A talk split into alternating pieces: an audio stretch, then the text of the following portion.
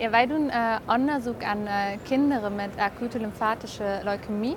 En dat is de meest voorkomende uh, kanker in kinderen.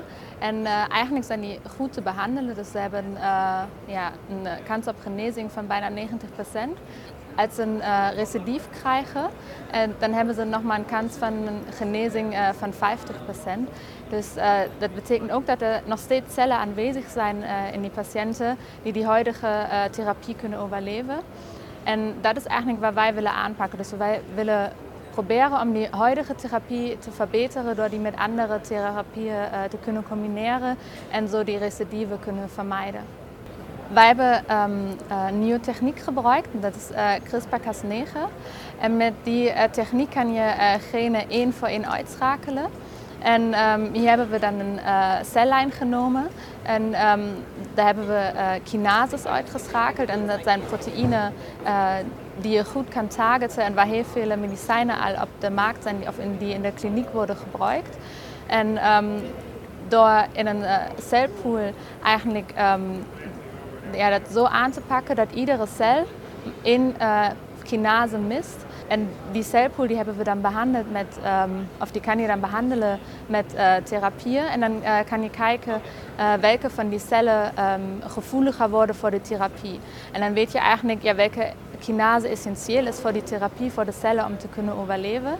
En um, ja, als we dat weten, dan kunnen we kijken of er inhibitoren zijn die we samen met, die, met de therapie uh, kunnen geven, zodat we ja, eigenlijk die, um, ja, die sensitiviteit van de leukemiecellen op die therapie kunnen verhogen en dat die um, leukemiecellen doodgaan in de patiënt.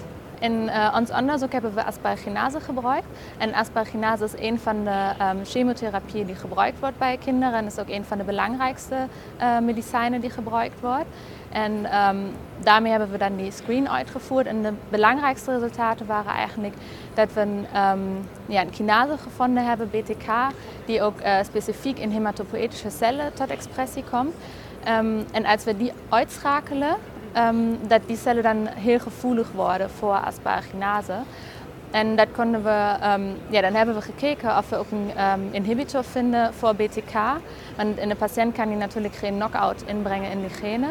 Gelukkig is er een, uh, ja, een medicijn op de, uh, in, die in de kliniek ook uh, wordt gebruikt in andere B-cel-maligniteiten die BTK inhibeert en dat is ibrutinib. En um, dan hebben we op verschillende cellijnen getest, maar ook op uh, patient-derived xenografts getest.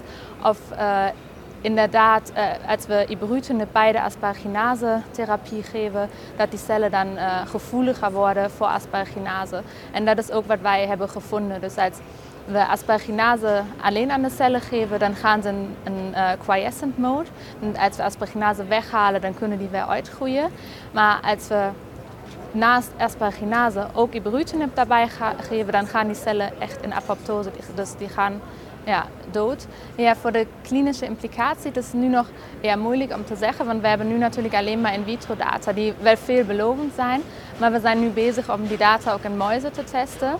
En stel dat we daar ook zien dat uh, asparaginase en ibrutinib uh, synergistisch werken, dus dat ibrutinib die sensitiviteit voor asparaginase voor de leukemiecellen verhoogt, um, dan zouden we ons kunnen voorstellen dat we dat ook als combinatietherapie in de patiënt kunnen geven. Dus dat die patiënten samen, ja, asparaginase en ibrutinib samen krijgen.